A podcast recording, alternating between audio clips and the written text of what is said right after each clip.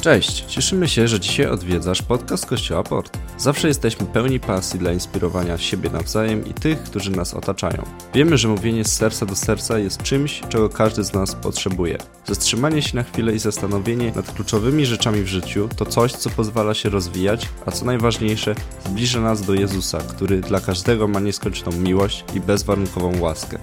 Zachęcamy, posłuchaj zawartych tutaj myśli, nawet jeżeli to dla Ciebie coś nowego. Modlimy się, żeby treść tego podcastu mogła w realny sposób budować Twoje życie.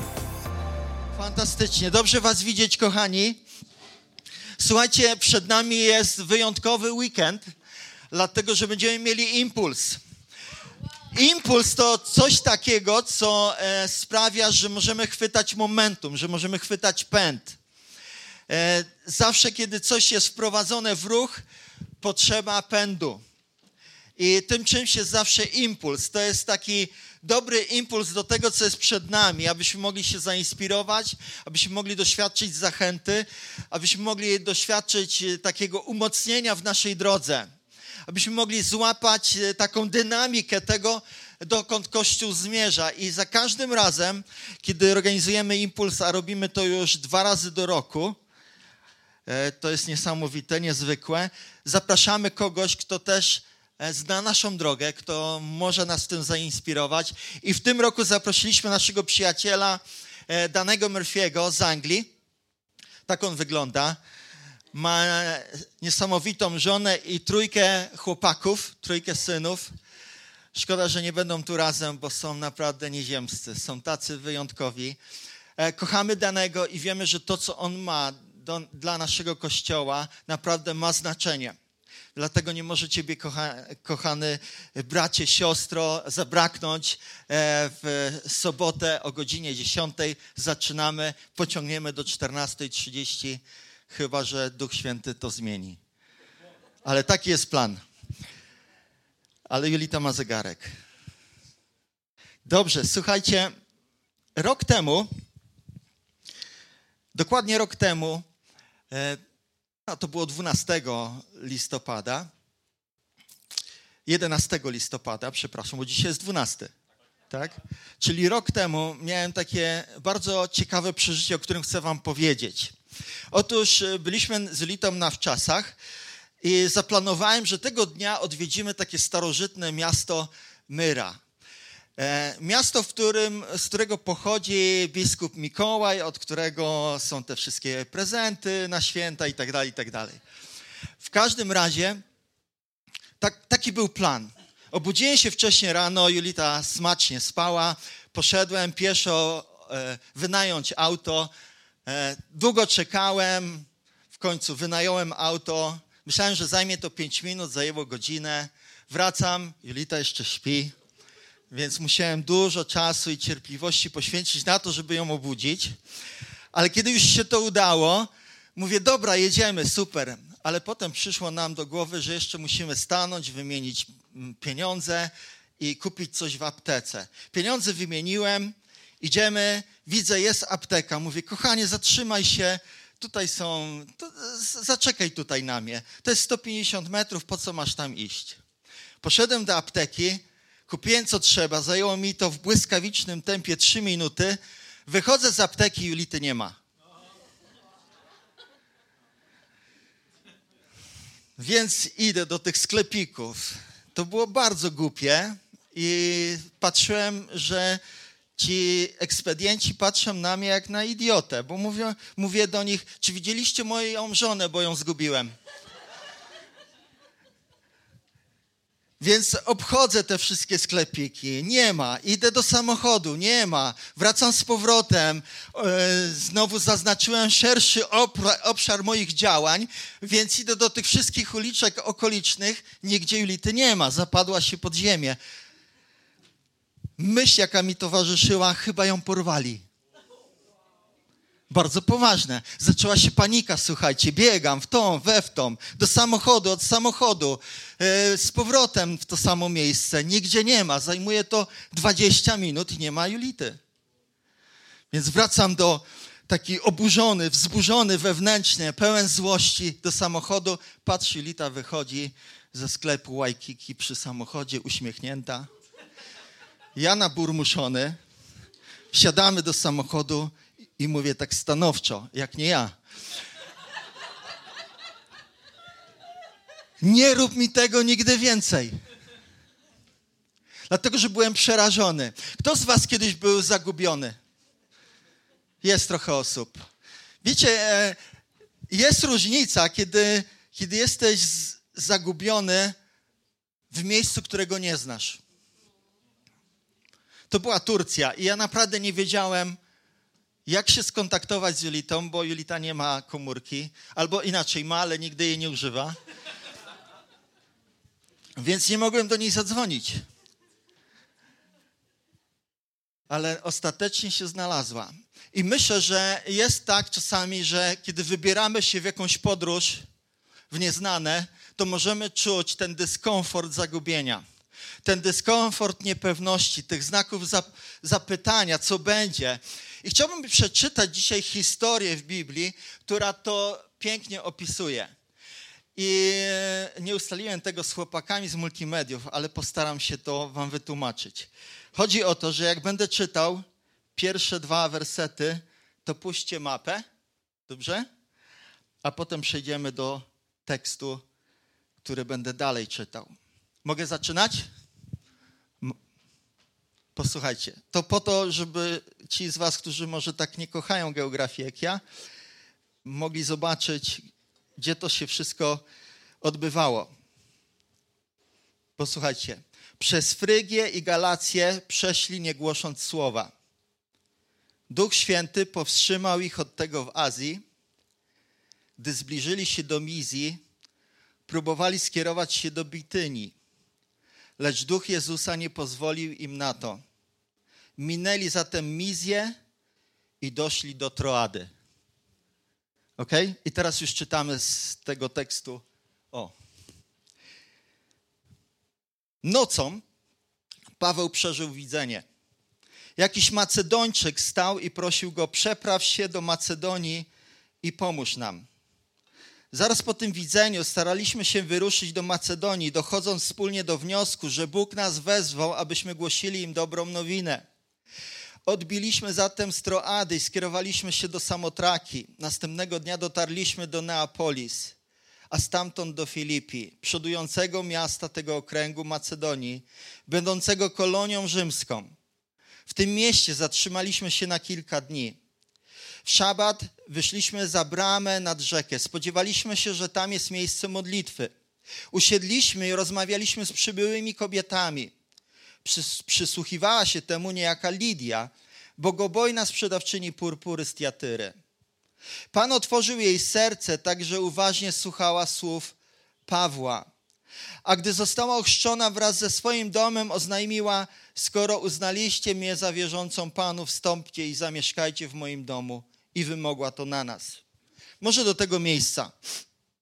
Bardzo ciekawa historia pokazująca to, że apostołowie wyruszyli w pewną podróż i gdzieś w, środ w środku tej podróży, którą zaplanowali,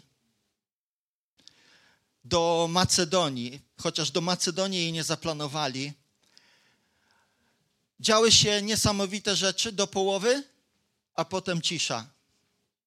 Tak jakby mieli e, przed sobą to, że niebo się zamknęło, że e, nic się nie dzieje, że przecież wyszli, by, by czynić uczniami wszystkie narody, by pójść, ogłosić Chrystusa Panem, by, by głosić dobrą nowinę wszystkim napotkanym ludziom, a Duch Święty im na to nie pozwolił w całej Azji. Nawet chcieli skręcić do takiej krainy, Bityni, ale i tam Duch Święty im na to nie pozwolił. I ostatecznie doszli do Troady i w końcu apostoł Paweł miał widzenie. I chcę powiedzieć tak, czasami kiedy wyruszamy, to potrzebujemy bardzo ekstrawaganckiej wiary, dlatego że będą momenty ciszy. Będą momenty, gdzie będziemy przekonani, że Bóg nas posyła, ale nie widzimy jeszcze owoców. Natomiast potrzebujemy ciągle mieć wielki obraz tego, do czego Bóg nas wezwał, do czego nas zaprasza, do czego nas prowadzi. I okoliczności, i sytuacje, I to, że Duch Święty coś wstrzymuje, nie może być pretekstem do tego, żeby ograniczać Boga i myśleć, ten obraz nie ma znaczenia. Ma znaczenie. Ma znaczenie. I ekstrawagancka wiara polega na tym, że bierzemy się za ryzyko. Za każdym razem, kiedy gdzieś wyruszamy, coś e, robimy w imieniu Pana Boga, do czego Pan Bóg nas zaprasza, zawsze jest to związane z ryzykiem. Dlatego, że to ryzyko jest w ogóle związane z, z decyzją, by iść. Wiara nie pojawia się w momencie, kiedy nic się nie dzieje, kiedy nie ma ruchu. Wiara często pojawia się wtedy, kiedy już jest, jesteśmy w ruchu, kiedy coś jest zainicjowane. Żeby podać przykład, często to powtarzamy, liczyliśmy na uzdrowienie Julity kilka lat temu, zanim zaczynaliśmy budowę kościoła, znaczy zakładania kościoła. Zanim zaczęliśmy zakładać kościół. I wtedy jeden pastor powiedział: A co jeżeli Bóg chce ją uzdrowić po drodze? I to dało nam pewien obraz tego, czym jest ekstrawagancka wiara w taki praktyczny sposób. Więc podjęliśmy decyzję, a potem Bóg dał nam wiarę do tego, żeby przez to przejść i wiarę też ku uzdrowieniu. Wierzymy, że Julita, że jesteś uzdrowiona. Nawet jeżeli czasami się zmagasz, jak każdy z nas, to ciągle żyjemy w uzdrowieniu. I niesiemy ten obraz. I w Bożym prowadzeniu, kiedy Bóg nas prowadzi, są właśnie potrzebne te rzeczy, jak to, że podejmujemy ryzyko, ale też z ryzykiem zaczynamy uważnie słuchać Słowa Bożego i iść za Jego wskazaniami. Oczywiście Biblia, Pismo Święte jest Bożym Słowem. W to wiesz, że ta księga nie jest, nie jest splotem różnych opowieści, ale historii, które mają znaczenie tu i teraz, dzisiaj dla współczesnego człowieka. Mimo, że za, została zapisana e, setki, tysiące lat temu, to wciąż jej treść, to przesłanie, które, które niesie, jest aktualne, jest wciąż dla mnie i dla ciebie ważne, istotne, dlatego że może zmienić twój, Twoją drogę, to dokąd zmierzasz, to dokąd idziesz. E, I kiedy już zaczynamy słuchać tego, co mówi to słowo, to jest taki bardzo często ogólny, ale bardzo ważny, inicjujący coś. E, e, słowa inicjujące coś, co, co ma się wydarzyć, kiedy Pan Bóg nas do czegoś zabiera, zaprasza. I na przykład jednym z takich zdań zapisanych w Biblii jest to idźcie i czyńcie uczniami wszystkie narody. I ten obraz apostołowie wzięli sobie do serca i po prostu wyruszyli. Po prostu poszli. I nie wiem, ile to trwało. Może to były dni, może tygodnie, gdzie nikomu nie mogli opowiedzieć o Chrystusie. Jakie to musiało być frustrujące, słuchajcie. Jakie to musiało być takie pełne znaków zapytania. Co dalej? Dlaczego? Dlaczego tak się dzieje? Ale jedna rzecz mnie zdumiewa w tym, że Słowo Boże potraktowali serio, a potem szukali czegoś, co się nazywa też działaniem Ducha Świętego. Dlatego, że kiedy wkracza na to pole Duch Święty, to on potrafi z tego ogólnego obrazu, z tego ogólnego wezwania zrobić coś bardzo szczegółowego i konkretnego. Jego działanie zawsze uszczegóławia ten obraz. Mamy pewien całościowy obraz tego, że mamy iść i czynić uczniami, ale jak, kiedy, w jaki sposób Duch Święty chce nas poprowadzić, to jest Jego zadanie, to jest to, co On mówi po drodze to, co On robi po drodze. I teraz, kiedy wracam myślą do, do tego widzenia, to chcę powiedzieć kilka rzeczy. Pierwsza rzecz to to, że potrzebujemy być uważni na wskazówki Ducha Świętego. Potrzebujemy być bardzo uważni na wskazówki Ducha Świętego. Słuchać, co On mówi. Dlatego, że kiedy On zaczyna mówić, Duch Święty, a ma taką umiejętność, bo jest osobą, nie jest tylko jakąś mocą, ale jest osobą, więc mówi. I kiedy zaczyna mówić, to to jest naprawdę szczegółowy obraz.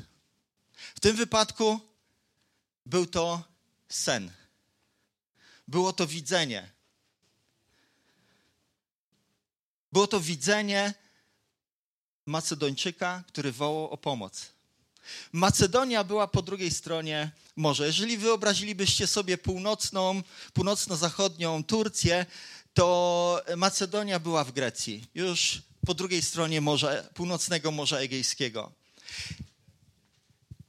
A to oznaczało, że wszyscy oni zinterpretowali to, musimy się tam przeprawić, by głosić tam Ewangelię. Więc to zrobili. Najpierw do jednego miasta, do drugiego, e, ominęli pewną wyspę i trafili do Filipi. Powiedzielibyśmy do miasta wojewódzkiego, do miasta znaczącego. Ale co było ciekawe w tej historii, to to, że tam nie było synagogi, więc nie było miejsca, do którego tak naturalnie mogliby się udać, by głosić Ewangelię, ale poszli za bramę nad rzekę w przekonaniu, że tam są ludzie, którzy przyjdą na modlitwę. To jest, to jest niesamowite, dlatego że z jednej strony jest ogólne Słowo Boże, szczegółowe działanie Ducha Świętego i pewne spodziewanie się tego, co ma nadejść. I ekstrawagancka e, wiara zawsze się spodziewa.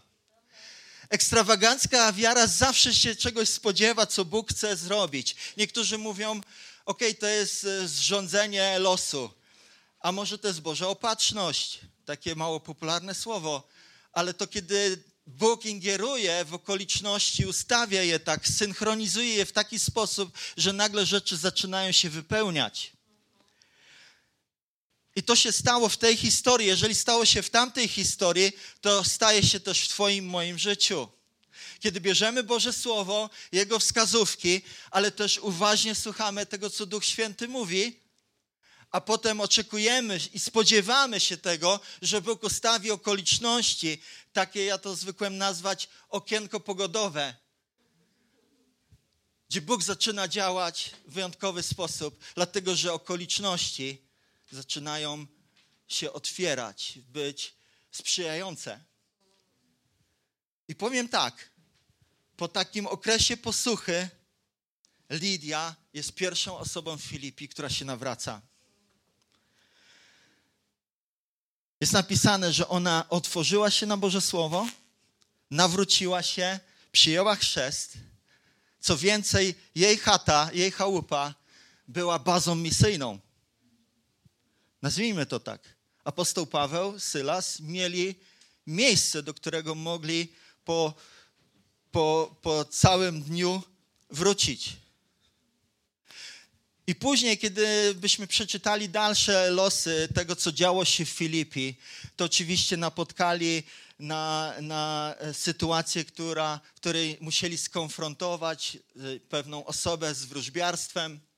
E, to później przyniosło bardzo trudne sytuacje, gdzie trafili do więzienia. W więzieniu nawrócił się strażnik. Ale później jest napisane, że zanim wychodzili z Filipi, poszli do domu Lidii i tam zachęcali ludzi. I jest napisane, że zachęcali też braci. I to jest wyjątkowe, dlatego że czytamy najpierw, że nawróciła się kobieta, ale później z jakichś powodów nawracali się faceci. Powody zazwyczaj są bardzo proste. Dlatego, że człowiek, który naprawdę nawraca się do Boga, zawsze inspiruje innych do tego, żeby słuchali tego, co się stało w jej życiu.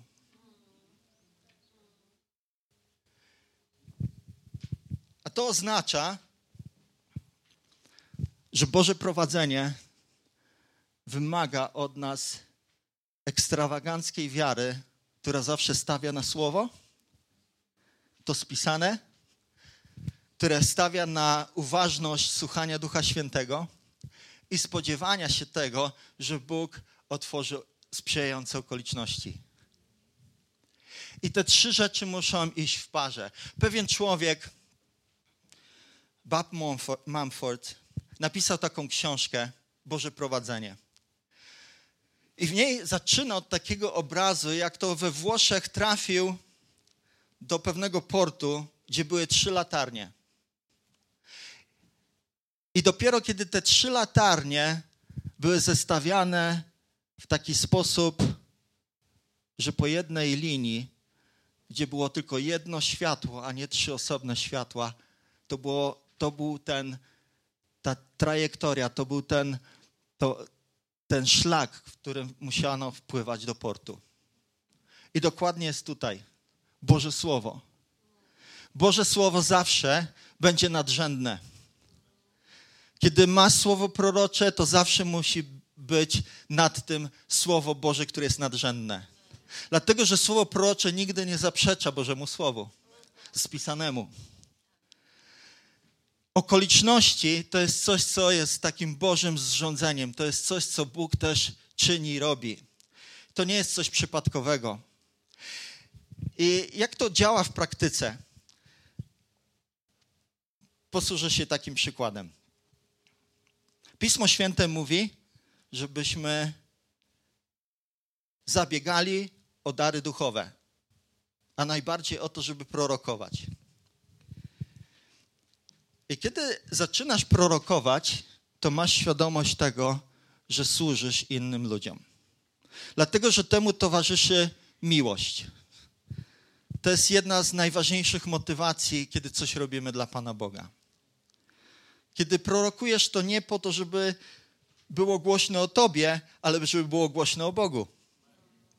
Kiedy prorokujesz, to chodzi o to, żeby przynieść rozwiązanie do życia drugiej osoby, otworzyć ją na Ducha Świętego, otworzyć ją na Boga. I dlatego apostoł Paweł mówi: Niech wszyscy mówią innymi językami, ale niech najbardziej zabiegam i chcę, żebyście wszyscy prorokowali.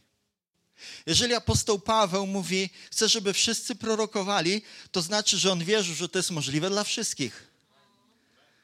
I to jest pewna perspektywa, w której kościele żyjemy, w żywym kościele, w której działa Duch Święty, że otwieramy się też na słowo prorocze, na działanie Ducha Świętego, że chcemy prorokować. I kiedy prorokujemy, to, to wypowiadamy słowa, które może na początku są zachętą dla kogoś. To mogą być proste zdania, zachęcające drugą osobę. Od tego zacznijmy. To nie musi być rozpiska na 20 stron, co spotka cię w ciągu najbliższych 20 lat. Ale to jest coś, co jest związane z tym, że możesz kogoś zachęcić, że możesz wypowiedzieć słowa, które będą zachęcające dla kogoś. A może Pan Bóg da ci jakiś obraz, jakieś widzenie bardziej szczegółowe. Po prostu ja wierzę w to, że kiedy idziemy, kiedy kierujemy się wiarą, to to zaczyna rosnąć. Za każdym razem, kiedy zaczynasz operować w darach Ducha Świętego, to zaczyna kwitnąć, zaczyna rosnąć, zaczyna być y, czymś, co, co się powiększa, czymś, co nie zostaje w tym miejscu, z którego zacząłeś, ale to jest coś, co jest coraz większe, coraz mocniejsze, coraz silniejsze. Amen?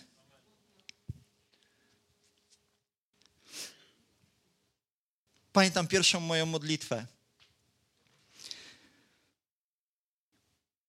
Która brzmiała tak.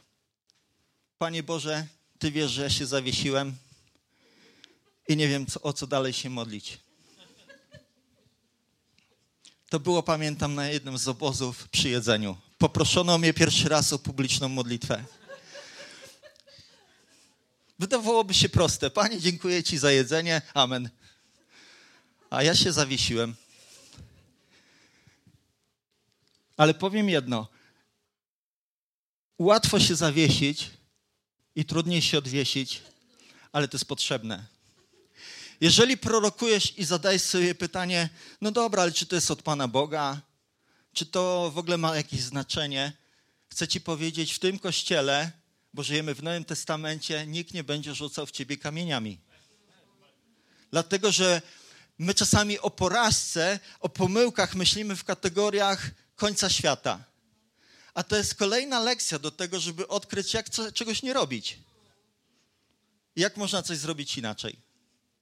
Więc zdejmijmy z siebie też ten ciężar tego, że, że tak zestawiamy czasami porażkę z tym, że to jest coś, co naraża nas na wstyd albo rzutuje na naszą tożsamość i pewność w Bogu.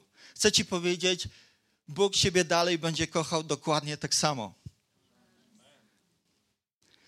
Nawet jak popełnisz błąd. Jesteśmy środowiskiem, w której popełnianie błędów nie jest niczym, co tak skrzętnie próbujemy ukryć. Dlatego, że, że chcemy być autentyczni, chcemy być prawdziwi i chcemy się uczyć, te, jak służyć sobie wzajemnie w darach Ducha Świętego. Jak wziąć Boże Słowo i pewien obraz, który Bóg nam daje z Jego Słowa jak potem być uważnymi w działaniu Ducha Świętego, przyjmować to, co Duch Święty czyni i spodziewać się tego, że, że Bóg też otworzy okoliczności. To są te trzy rzeczy w Bożym prowadzeniu, co do których potrzebujemy naprawdę ekstrawaganckiej wiary. Potrzebujemy zaryzykować, potrzebujemy się upewnić w tym, że Bóg jest tym, który jest w stanie nas poprowadzić. I dlatego zapraszam Was, wstańcie, kochani, dlatego że, że chcę dzisiaj żebyśmy przynieśli nasze życie Panu Bogu i powiedzieli: Boże, chcę więcej Twoich darów. Boże, chcę więcej służenia w, w, mocy Ducha Świętego. Panie, chcę więcej operować e, w, w Twoich darach, a najbardziej w tym, żeby prorokować. Jeżeli wszyscy będziecie prorokować, ułożymy po prostu kolejkę. I to będzie ok. I powiemy wyraźnie, najpierw Bogusz, potem Ada. Nie naraz, spoko, nie naraz. Dlatego, że chcemy mieć pewien porządek, ale chcemy, żeby każdy służył w darach Ducha Świętego. Co wy na to? Ja naprawdę jestem dzisiaj tak mocno rozpalony tą wizją i tym pragnieniem, że, że Duch Święty nie ograniczył swojego działania tylko do elity. Do jakichś wyjątkowych osób, które są w stanie 45 minut modlić się z każdego dnia, a jak ktoś 42,5, to już nie. To w ogóle nie o to chodzi, bo to jest dar łaski. To nie jest z powodu naszych zasług. To jest z powodu tego, że Bóg jest hojny. I że Bogu zależy na tym, żeby używać Ciebie i mnie w swoich darach. Panie, dzisiaj przynoszę Ci tacy, jacy jesteśmy. Chcemy powiedzieć Tobie, Panie, że bierzemy Twoją inspirację dzisiaj, to co zrobił Paweł i Sylas, którzy wzięli Twoje słowo i nie wahali się pójść. I chociaż nie widzieli na początku tego, czego, czego się spodziewali, to nigdy nie, nie zrezygnowali z tego obrazu a Ty ich, Panie, poprowadziłeś i nas chcesz też poprowadzić. Duchu Święty, modlę się, byś wypełnił nasze życie. Chcemy być tymi, którzy są posłuszni Tobie, którzy są uważni na Twoje działanie którzy spodziewają się też tego, że Ty zbierzesz pewne, pewne okoliczności w jedną całość, dasz nam natchnienie do zrobienia rzeczy, które wynikają wprost z Twojego słowa. Panie, chcemy modlić się o nasze otoczenie. Chcemy być ludźmi, którzy, kiedy niosą Ewangelię, to widzą, że ona działa. I nie będziemy nigdy rezygnować z tego, dlatego będziemy zawsze świętować samogłoszenie dobrej nowiny.